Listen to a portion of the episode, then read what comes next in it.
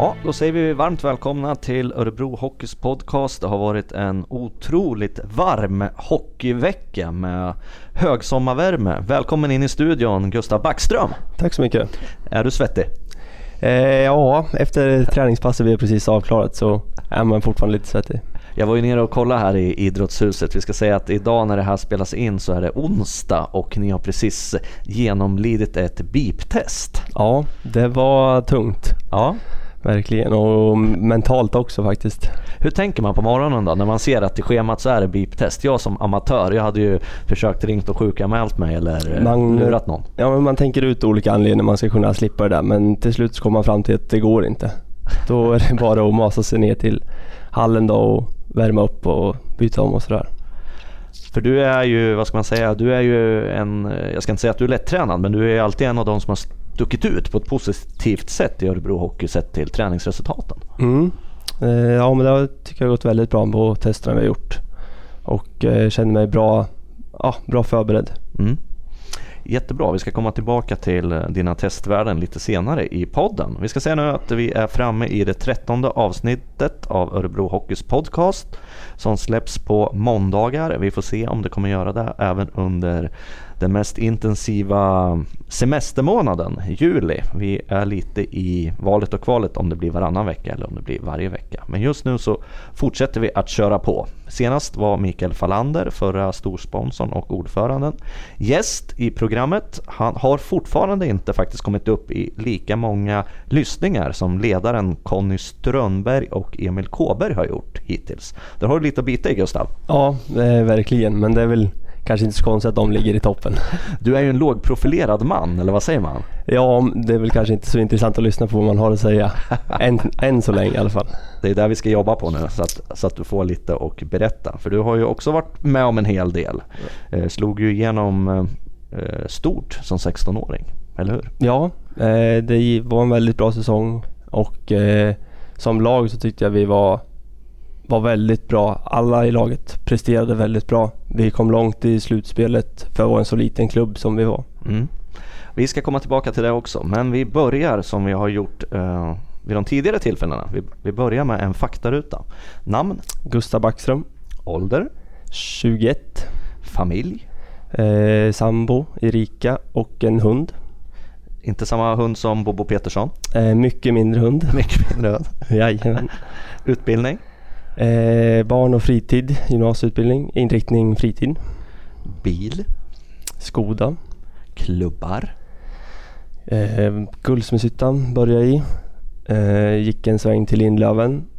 Eh, gick tillbaka till Guldsmedshyttan och därifrån flyttade jag upp till Modo och var där två säsonger och gick gymnasiet.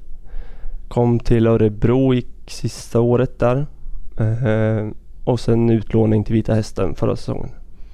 Äter helst? Eh, grillat. Dricker? Ja, nu på sommaren så får man väl säga en kall öl, men annars en kallt glas mjölk. Läser? Ingenting. Lyssnar på? Ja, man är väl en all-lyssnare om man säger. Det är det som spelas på radion framförallt. Favoritfilm? Oj. Eh, det måste jag säga är Gunning 60 seconds. Grät senast? Det var när min eh, mormors man gick bort för någon månad sedan. Och favoritlag då? Det måste ju vara Örebro Hockey. Då har vi satt faktarutan på Gustav Backström. Uh, och vi börjar väl lite med att flytta upp till norra länsdelen och Guldsmedshyttan som är, vad ska man säga, en, en liten, liten metropol eh, om man ser till eh, talangfulla hockeyspelare som har kommit fram genom åren. Ja. Vi har ju Marcus Jonasén bland annat som har, har varit här i Örebro och härjat. Ja, och sen har vi ju Mattias Kolan Karlsson som också är ett känt backnamn, eller hur? Jajamän. Hur mycket har de påverkat dig genom, genom åren? Ja men det var ju stora förebilder när man var yngre. Det, det var ju de man såg upp till och de man skulle bli lika bra som. Har det alltid varit. Hur var de som förebilder då? Var de bra? Ja, eh, Jonas Sen framförallt var ju den närmaste då. Mm. Som man såg upp till. Mattias Karlsson var ju i USA mycket där. Eh, så det var ju Jonas Sen man hade framförallt mm. i början då. Mm. Och bägge är ju NHL-draftade faktiskt Ja. om man tittar tillbaka. Kolan i Ottawa Senators och Jonasén i Rangers. Inga dåliga meriter. Nej, tunga meriter. Riktigt Ja. tunga meriter. Och eh, att lira med Guldsmedshyttan då, hur föll det ut naturligt för dig så att säga? Ja, det var ju... Vi bor i en liten by tre mil därifrån. Det var där jag växte upp. Eh, så det var ju det, var ju det närmsta laget. Eh, mamma och pappa körde mig dit och ja, tyckte det var väldigt kul och hade lätt att lära mig. Eh, så det vart ju ja, väldigt naturligt att det blev just Guldsmedshyttan. Mm. Mm. Och sen kom det här U16 SM som blev någon form av genombrott för dig. Mm. Berätta. Eh, jag var ju bara med en halv säsong där. Det var det året jag gick till Lindlöven och spelade division 1 halva säsongen. Tills jag kände att eh, ja, jag vill komma tillbaka och bidra med det jag kan då i U16 där. Och vi gick väldigt långt, fick spela eller semifinal på hemmaplan också. Mm. Det var väl en... Peter Forsberg var ju på plats, kommer du ihåg det? Ja, Kolla. ja, han satt längst ner vid sargkanten. Och det har nog aldrig varit så mycket folk i Guldsmedshyttan som det var då. Hur kändes det då? Liksom? Var det så realistiskt eller var det liksom... Ja, på, på den tiden, man hade ju aldrig liksom spelat inför så mycket folk som det var då. Så när vi kommer ut, man fick ju en chock till en början. Det var 1500 personer och alla stod upp på läktaren. Det har aldrig hänt där förut. Nej. Där sitter man i vanliga fall. Men ni var ju lite håsade. Det fanns ju förväntningar på laget. Det var ju inte helt överraskningsbaserat så att säga att ni skulle gå långt. Nej, eh, vi har ju spelat tillsammans, eller då hade vi spelat tillsammans väldigt länge. Eh, varit på mycket kupper och åkt runt i Sverige och ja, hade presterat bra väldigt länge då. Mm. Så det var ju, ja, vi, hade, vi visste väl vad vi kunde klara av då och så men det var ju inget självklart eftersom vi var en så liten klubb. Ja, roligt att en sån liten klubb kan gå så långt också Mm. på den höga nivån som det faktiskt är. Eh, flest mål i SM-slutspelet gjorde du och du blev utsedd till mest värdefulla back också. Mm. Stort! Ja, det var väldigt roligt att få den utmärkelsen. Vad minns du? Jag minns att det var efter vi hade åkt ut i semifinal, nej, jo semifinalen. Så man var ju inte jätteglad just då men eh, sen några år tillbaka så var det ju väldigt stort och roligt att man fick den utmärkelsen. Kändes det som att förväntningarna blev för stora efter det? Att, man liksom, att du hade ett krav på dig att leva upp till det här eller kunde du se det som en boost mera i liksom, förberedelserna för nästa steg? Eh, självklart så var det ju en boost då och känna att man har gjort någonting bra. Eh, samtidigt så en press det lever vi ju alltid i stort sett under som hockeyspelare så det får man ju lära sig att hantera. Mm. Och hur tyckte du att det var att spela division 1 hockey på den där tiden då? Jag vet, jag, jag följde division 1 ganska mycket då med både Kumla och, och, och Lindlöven. Och det fanns ju spelare som Max Friberg till exempel som spelade eh, med småkronorna som, Ja. som dök upp i, i Lindehov. Ja precis, nej men det var Man var ju väldigt ung då så man eh, fick ju se upp till de äldre i laget som tog hand om en och Men det var, ja, det var en helt annat spel på den tiden. Man var mycket mindre och de andra var tyngre och större och det gick lite fortare. Men en bra serie att känna på i, i den åldern då? Ja, Måste det självklart. Ja. Det var det. Eh, man lärde sig otroligt mycket där. Och eh, där fick du spela med kultspelarna i, i Lindesberg. Fromellarna, Daniel och Jocke Fromell. Ja, Men du la inte på dig någon hockeyfrilla bara för att de hade det? nej precis. De är ju kända för den där hockeyfrillan. Men det, äh, de tog hand om en väldigt bra. Och just att vi kommer från samma moderklubb, Guldsmedshyttan. Så jag har ju, ja man har ju känt dem väldigt länge. Du sa att du har varit där och uh, hälsat på en hel del, även nu på slutet eller? Ja, eh, jag håller lite kontakter med Jocke fortfarande. Och även Daniel lite grann. Mm. Vad har de betytt för, för Lindlöven då? De har ju varit där så pass, så pass länge, tvillingbröderna. Ja, ja men de har ju varit en stor del av det som har pågått i Lindlöven. De har ju har varit där i sju, åtta säsonger tror jag. Eller något sånt. Ja, det är Så- säkert minst. Ja, minst ja. Så det, nej, men det, de har varit otroligt viktiga för Lindlöven. Mm. Och eh, sen kommer det här steget då när du flyttar till Övik och Modo och Mm. hockeygymnasiet. Eh, hur gick tankarna då? Bland det största man kan göra som talangfull hockeyspelare. Ja, nej men det var väldigt stort steg att ta. Eh, det var väl, hade väl några andra klubbar att välja på och sen till slut så följde på Modo och Örnsköldsvik. Eh, var ett väldigt stort steg att flytta så långt hemifrån när man var så pass ung. Eh, så hade jag med mig min flickvän då, Erika. Så hon, hon tog hand om mig väldigt väl där uppe och fixade all tvätt, städ, laga mat. Så jag kunde koncentrera mig bara på hockeyn. Hon var reservmamma då? då? Ja, det kan, det kan man lugnt säga. Ja, ja. Hur tyckte du att det fungerade där uppe då för dig eh, i den åldern att flytta så pass långt och, och, och som 16-åring? Jo men det var svårt att kombinera skolan med träningen som var där. Eh, men jag tycker det funkar väldigt bra. Man var ju man var ju knappt hemma på dagarna. Utan det var, man gick i skolan först, gick ner till hallen, tränade, tillbaka till skolan, eh, hem och käkade. sen var det ner till hallen igen och träna. Så det var, ja, det var inte mycket tid man var hemma där. Pratas det tillräckligt mycket tycker du om man, om man ska vända sig till våra yngre lyssnare här? Pratas det tillräckligt mycket om vilket steg det egentligen är att flytta så långt hemifrån när man inte är äldre än 16 år? Och man kanske har varit i en eller två klubbar i närområdet bara tidigare. Ja, nej men det var, det var väldigt stort just det där med att klara sig själv på sidan av ishockeyn. Eh, på dagarna hade man ju grabbarna i laget liksom och umgicks mycket med dem. Men sen när man kommer hem och ska börja med maten och sånt där. Mm. Så det, ja, men det är ett väldigt stort steg att ta just från att bo hemma och alltid blivit servad till att flytta och klara sig på egna ben. Mm. Och eh, ja, och vad hände efter Modo då?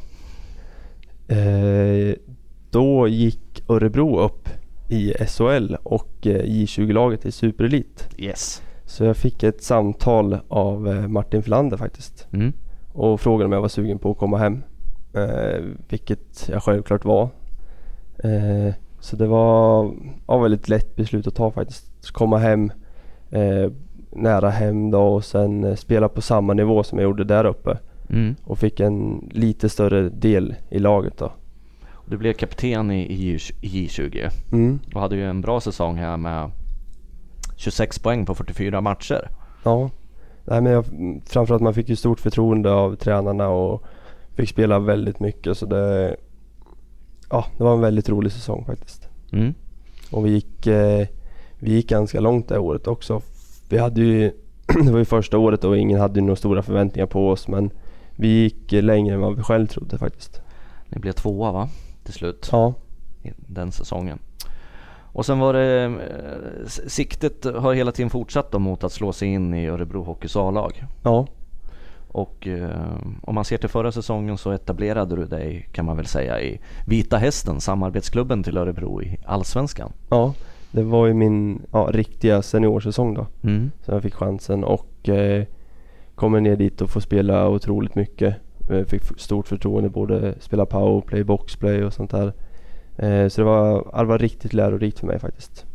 Du noterar en hel, en hel säsong egentligen, eller hur? Ja. Sett, sett till antalet matcher spelade. Jag spelade alla 52 Fem, precis. omgångar. Till skillnad från flera av eh, de andra örebroarna som lånades ut så fick du vara skadefri. Ja, Eller hur? peppar peppar, ta i trä som man brukar säga. Hur, hur, hur gick snacket mellan er då? För vi har ju, det har ju varit otroligt mycket skador, otursförföljda på, på lånen till Vita Hästen från Örebro. Det har ju varit en snackis i, i Norrköping Ja. att de som kommer, de skadar sig. Ja precis, men det var så ett tag och eh, vi bodde ju alla tillsammans. Så till slut så fick man nästan bo själv där. Berätta vilka ni har varit. Det var Anton Bremer, Rasmus Fypil, Kalle Jelvert och eh, Lukas Opelka. till. Pelka var med också ja. Ja. Och sen var det även Oskar Fröberg, Daniel Marmelind, Henrik Lundberg var där. Och eh, Johan Adolfsson var där en sväng. Just det, just det. Men 52 matcher för dig, du fick en ganska stor roll och du tog den också. Ja, eh, det var väl någonting man växte in i där. Vi hade mycket skador i laget överlag då och sen eh, fick man en större och större roll. Så då, ja, det var det var en stor press på på oss yngre som var där och fick bära ett stort ansvar men det kändes väldigt bra faktiskt. Och eh, du har varit klubbkompis med Axel Brage, målvakten som Örebro nu har tagit in som ehm, eh, som nyförvärv den här säsongen när Henrik Mm. Lundberg har försvunnit. Vad kan du säga om Axel? Eh, en otroligt härlig person på sidan av isen och eh, på isen är han eh, Vissa matcher där nere så var han helt otrolig. Eh, gör räddningar som man tror att det inte är sant liksom. Så väldigt bra värvning av Örebro faktiskt. Kan han utmana Julius Hudacek då om första spaden tror du redan den här säsongen? Eh, ja, självklart har han en chans på det. Även fast Julius är en toppmålvakt i SHL och sådär. Men det finns nog stor chans att han kan utmana. Daniel Marmelin pratar du lite om här också, målvakt. Eh, hade ju riktigt, riktigt bra resultat på, på BIP-testet idag. Ja, det tror Ja. jag vi alla varit lite förvånade över. Vad tänkte ni där? Målvakter brukar ju man kalla lite bohemer och sådär, men han bara krossar liksom. Ja, de brukar ju vara lite lata målvakter överlag sådär. Men nej, men det var en riktig överraskning. Ja, det måste man gilla. Ja. Absolut. Eh, vart någonstans är du i karriären nu då? Hur ser du på den kommande säsongen? Ja, det är ju... Får börja med sommarträning nu då. En väldigt hård sommarträning. Eh, lägga på sig lite mer muskler om man säger så. Eh, sen har jag självklart in, siktet inställt på att ta en plats i laget. Bland de åtta. I Örebro, I Örebro. SHL. Ja. Hur har snacket gått med, med, med Vita Hästen då? Har de pratat någonting med dig in, inför den kommande säsongen? Eh, de har jag inte pratat någonting med. Nej, sen inte jag åkte därifrån. Nej. Ja men det är bra. Eh, Vi ska kolla Gustav på, pratade ju lite om att du har haft väldigt bra resultat fys, i fystesterna. Mhm. Eh, inte minst om man kollar på skridskotesterna som ni gjorde här i början på april tror jag det var. Så sa Mattias Mattsson som är fystränare att eh, du och Greg Squires var de två spelarna som stack ut mest. Ja. Vad är det för något som du har varit eh, specialist på i det här? Ja, eh, vi gjorde ju snabbhetstesterna. Eh, Hur går de till? man startar från stillastående position, sen åker man 10, 20, och 30 meter tror jag det var eh, på tid. Så det sitter sensorer ute efter, efter banan man ska åka då och tar tiden. Sen har vi även gjort eh, tre maxvarv, man åker runt plan mot, runt målburarna. Eh, det har även åkt in i sargen första varvet. Ja det smällde ganska högt där. Ja. Jag tänkte att oj, oj oj oj nu lägger han sig här för att inte behöva göra klart det. Så man fick stå, ja precis det var många som tänkte så. Nej men man, då fick jag vila lite och sen köra lite senare. Du kände redan, nu släpper det liksom i, i, i, vad säger man, i, i runden. Ja, Ja. det, man hann tänka mycket där innan man åkte in i sargen. Men du hann vrida dig så att du inte smällde in för hårt. Ja, det hann jag göra. Så jag inte Mm. landade på huvudet i alla fall. Mm. Men hur kommer det sig att du, har, eh, att du har så bra värden då? Vad ligger bakom? Har du gjort något särskilt i träningsväg eller? Eh, Det vet jag faktiskt inte vad som ligger bakom. Det är väl just att jag har alltid tränat hårt och fått bra hjälp här i Örebro av Mattias Mattsson. Eh, även när jag var uppe i Modo så fick jag väldigt stor hjälp med just powern då, träningen. Vad är det för något du tränar då? Om man ska sätta ord på vilka övningar du gör. Är det backträning eller står du på gymmet och mosar eller vad, vad gör du liksom? Nej men det är väl mycket spänsträning som jag har gjort i alla fall tidigare. Eh, med hopp och snabbhet och sånt där. Eh, för att bli explosivare. Mm. Är du bra i höjdhopp? Eh, nej det var jag inte så bra i. Vad är det högsta du har tagit det? Ja det måste varit 1,40 någonting innan jag hoppade in i rib- eller stolpen som håller i ribban. Fick jag avbryta. Och sen nu då om vi kollar till BIP-testet då som du också hade bra resultat. Kommer du ihåg vad du hade förresten? Mm, Ja jag tror jag kom till 14,2 Ja. nivån där. ja.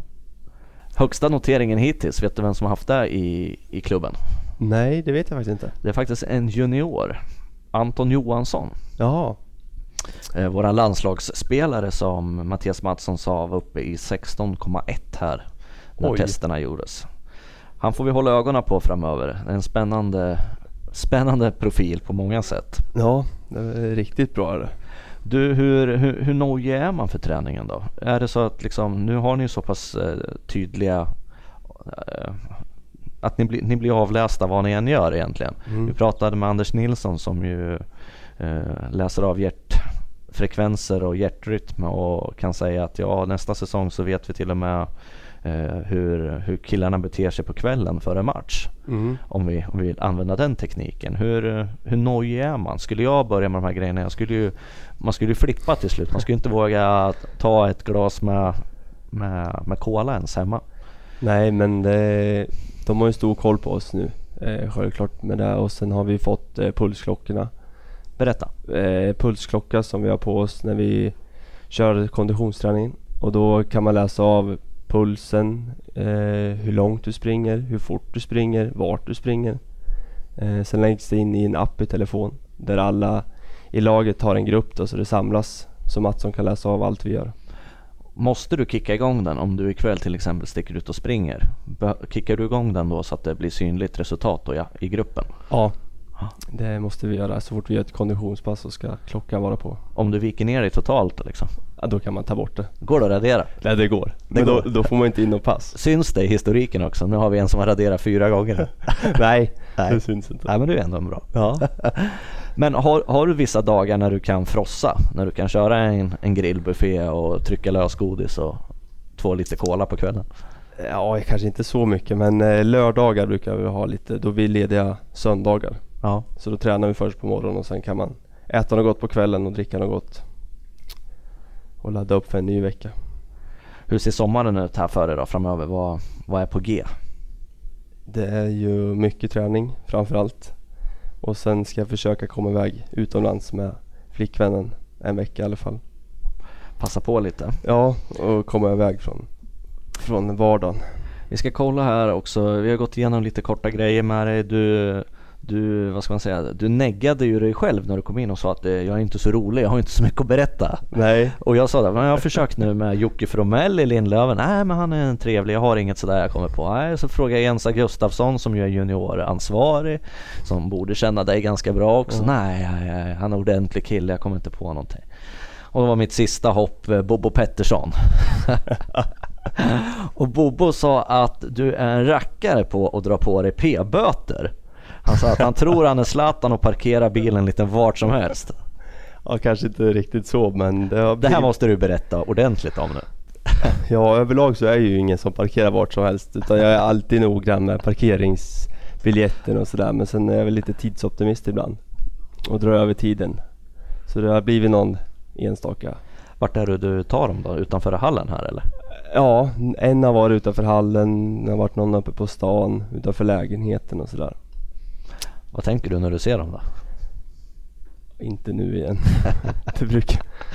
Man kommer alltid där i sista sekund och sen står de alltid där och skriver. Så då försöker man övertala dem men det går aldrig. Vad har de, vad har de legat på då prismässigt? Straffmässigt eller vad säger man? Ja, nej det brukar vara runt 400-600 eller något sånt där. Så det tickar iväg? Ja, det har blivit ett par. Sen hade ju Bobo den kanske mest sjukaste eh, vad ska man säga, infallsvinkeln. Han hade ju till och med koll på att du eh, en gång i tiden var en sömngångare, eller hur? Ja. Då blev, du, då blev du uppriktigt sagt rädd här, ja. när jag lyfte den punkten. För det har jag aldrig berättat för honom, så det vet jag inte hur han kan ha koll på. Men ni har, ni har aldrig bott ihop på något sätt och du har traskat upp och härjat med honom? Nej, Nej, aldrig så jag är lite chockad här. Bobo är, han är farlig alltså, han måste vi akta oss för. Ja, verkligen. Men eh, jag drog ju en anekdot här för, för dig om att jag hade en kompis en gång i tiden som uh, kunde åka i tunnelba flera tunnelbanestationer i kalsonger och fotbollsskor utan att vakna. Ja, riktigt Men, så illa är det inte här faktiskt. Du åkte inte mellan Guldsmedshyttan och upp, norr upp till Borlänge och la dig utanför kupolen? Nej, som tur var så har vi ingen tunnelbanestation där. hur, eh, hur, hur, upp, hur kunde det te sig för dig då, Gustav, när du gick i sömnen? Men det var väl framförallt när man var yngre och bodde hemma Eh, vaknade på morgonen utan täcke och kudde. Eh, gick runt och letade överallt. Så låg det nere vid kylskåpet. Så hade man varit nere på natten och ätit eller vad man nu hade gjort. Och så kunde det gå till tre, fyra gånger i veckan. Det hade inte Mattias Mattsson gillat om du var uppe och käkade på nätterna också. Nej. Matsmältningen är inte så bra där. Nej, precis. Men eh, blev det ett problem? Vaknade du och blev orolig eller var det bara äh, nu infinner jag mig i det här liksom? Att, Nej men det var inga stora problem sådär utan det var mest man kunde vakna och frysa på natten. Men då var det bara att gå ner till kylskåpet och hämta täcket. men det var alltid kylskåpet? Ja, nästan alltid tror jag. Du åt nog för dåligt kvällsmat tror du inte det? Jo det måste ha varit något sånt. Magen tog kontroll över hjärnan på ja. natten sen. Men som tur är så har det slutat idag. ja det är bra. Du, eh, den lokala prägen då, om man ser till uh, spelare som kommer från regionen i ett SHL-lag eller ett mm. elitlag. Hur, hur viktig är den? Att man har x antal spelare som känner regionen och, och stan? Eh, det är jätteviktigt, framförallt för fansen. Eh, som Känner man någon i laget så är det klart man går och stöttar laget. Eh, och det blir ju extra roligt. Framförallt om man känner några och sådär. Mm. Eh, så nu är vi några stycken Mm. yngre. Mm. Så det, ja, men jag tror det är jätteviktigt för Örebro. Nu är ni ju en yngre generation med lokal förankring här. Eh, För de som inte riktigt känner till, ni är ju en femma. Berätta, vilka är ni? Förutom dig själv. Ja, det är ju Anton Bremer, Kalle Hjelvert, Rasmus Fypil och Emil Eriksson. Pratar ni mycket om, eh, om närområdet? Nej, det är inget direkt vi pratar dagligen om. Men Nej. det är väl självklart något man har nämnt ibland. Men som publik, som du säger, är det alltid extra roligt att kunna gå ner och kolla på grannens grabb. Ja, att men precis. veta varifrån man kommer. Ja, eh, vi ska säga det också att eh, när vi spelade in den här podden så var det ungefär en vecka sedan som det var eh, eh, två stora spelare presenterades. Eh, efter våran presskonferens, där först fem nyförvärv presenterades, sen presenterades eh, Joakim Andersson i Detroit och eh, Tom Vandell senast i fyra KHL-klubbar men ganska långt förflutet också i Dallas Stars. Eh, det spetsar till sig, eller vad säger vi? Det kan man lugnt säga. Eh, framförallt med Tom Vandell och Jocke Andersson som väljer att komma hem till Sverige igen efter många år utomlands. Och sen just väljer Örebro när de kommer tillbaka till Sverige. Mm. Och vad tror du Gustav krävs nu då för att eh, vi i Örebro Hockey ska kunna ta ytterligare ett kliv och etablera oss eh, lite högre upp i, i tabellen nu? Ja, det gäller att ta det här sista steget då och det är framförallt försvarsspelet måste bli bättre, eh, få igång ett powerplay och så just att de ledande spelarna börjar prestera under en hel säsong. Och eh, för egen del nu, vad, eh, hur, går, hur går tankarna nu för dig då om man ser till kommande säsong? Du sa att du hoppas kunna slå dig in bland de åtta backarna som kommer utgöra Örebro Hockeys A-trupp. Ja, eh, det är väl framförallt det man har som mål och då komma in där bland de åtta. Och det är ju Vad blir viktigast? Är det träningsmatcherna att sätta, sätta tonen i eller? Ja men det är väl just att ta chansen när man väl får den. Eh, visa upp sig direkt från start och det är ju träningsmatcherna då.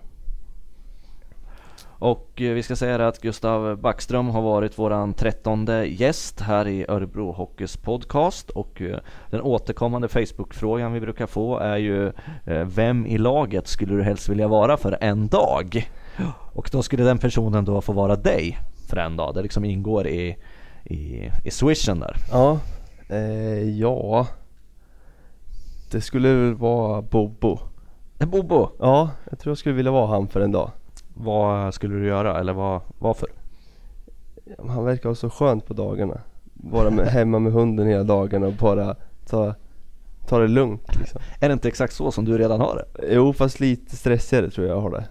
Han skickar alltid bilder när han sitter och grillar på kvällarna och Och då skulle han få vara dig istället? Ja, Och då får han en mycket mindre hund. mycket mindre hund ja. ja. Och då äger du honom totalt? Ja, precis.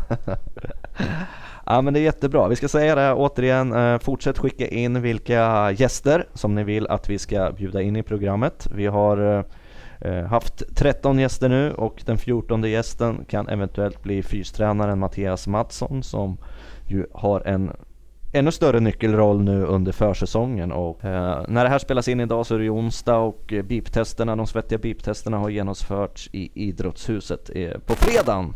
Eh, ja, för er som lyssnar nu då, i fredags får vi väl lov att säga. Så eh, väntar återigen väldigt, väldigt tuff träning när det är dags att springa i myren uppe vid Markaspåret i Örebro. Du gjorde det förra året och vilka underbara minnen tar du med dig? Eh, Det är inte många. Man har försökt glömt så mycket som möjligt men eh, framförallt jobbigt, eh, blött. Hur långt ner sjunker man när man kliver ut där? Ja, knä, knäna eller midjan om man har otur. Så det gäller att vara lätt på tårna. Och hur länge kör ni? Det brukar vara en, två timmar. Hur reagerar kroppen då? För jag kan tänka mig när man kommer dit så är man ganska en- fylld med kraft och energi. Men det borde gå ganska fort att tömma sig. Ja, eh, det brukar vara efter en halvtimme ungefär så brukar man känna att man, man börjar bli slut på energi och sen när man åker därifrån då är det verkligen helt tomt. Då har du legat där som Gollum i Sagan om ringen och plaskat runt ett tag. Ja, ja, framförallt vi som är lite tyngre har ju lite lättare att sjunka då. Så då vi får väl lite extra tungt. Prognosen för fredagen ser ju halvblöt ut om man tittar på SMHI. Ja, Det gynnar när- inte er. Nej, när det har varit så här fint väder nu en vecka och så just fredag börjar det bli regn. Så man kan ju tro att Mattsson har något att göra med det. Han kan ha det. Han, Ja. han är ju allsmäktig på sitt sätt så Ja. att det är möjligt att han Precis. kan påverka sånt också. Eh, sen när man lägger den här tuffa perioden, tuffa träningsperioden bakom sig. Vad är det då man tar med sig? Är det känslan av att man har lyft sig flera hack? Eller är det att nu ska det bli skönt att fokusera på hockeyn igen? Hur funkar det för dig? Eh, nej men det är väl lite både och. Eh, självklart är sommarträning väldigt viktig och sådär men just det att se att man har presterat och förbättrat sig under en sommarträning. Eh, sen är det givetvis väldigt skönt att gå tillbaka till ishockeyn. Har du dekat ner dig helt någon gång under en sommar? Kommit tillbaka med lite kagge och... Nej, det, jag brukar vara ganska noga med träning faktiskt. Så det har aldrig gått ner mig. Nej. Nej, det låter jättebra. Vi, vi ska tacka Gustav Backström för att du har kommit in hit till eh, kontoret, kansliet och deltagit i Örebro Hockeys podcast. Eh, Vem skulle du vilja se eller lyssna på i den här stolen om du fick bestämma en gäst framöver? Din vän Bobo har ju redan varit här, Ja, druckit kaffe. eh, ja det är väl kanske Jocke Andersson, Jocke Tom- Andersson. Tom ja. Andell, ja, nyförvärven. De ska vi försöka lura in. Absolut, under, under, under våren och eh, inför sommaren. Ja. Då säger vi stort tack till Gustav. Hoppas du får en varm och skön sommar. Tack detsamma. Tack så du ha.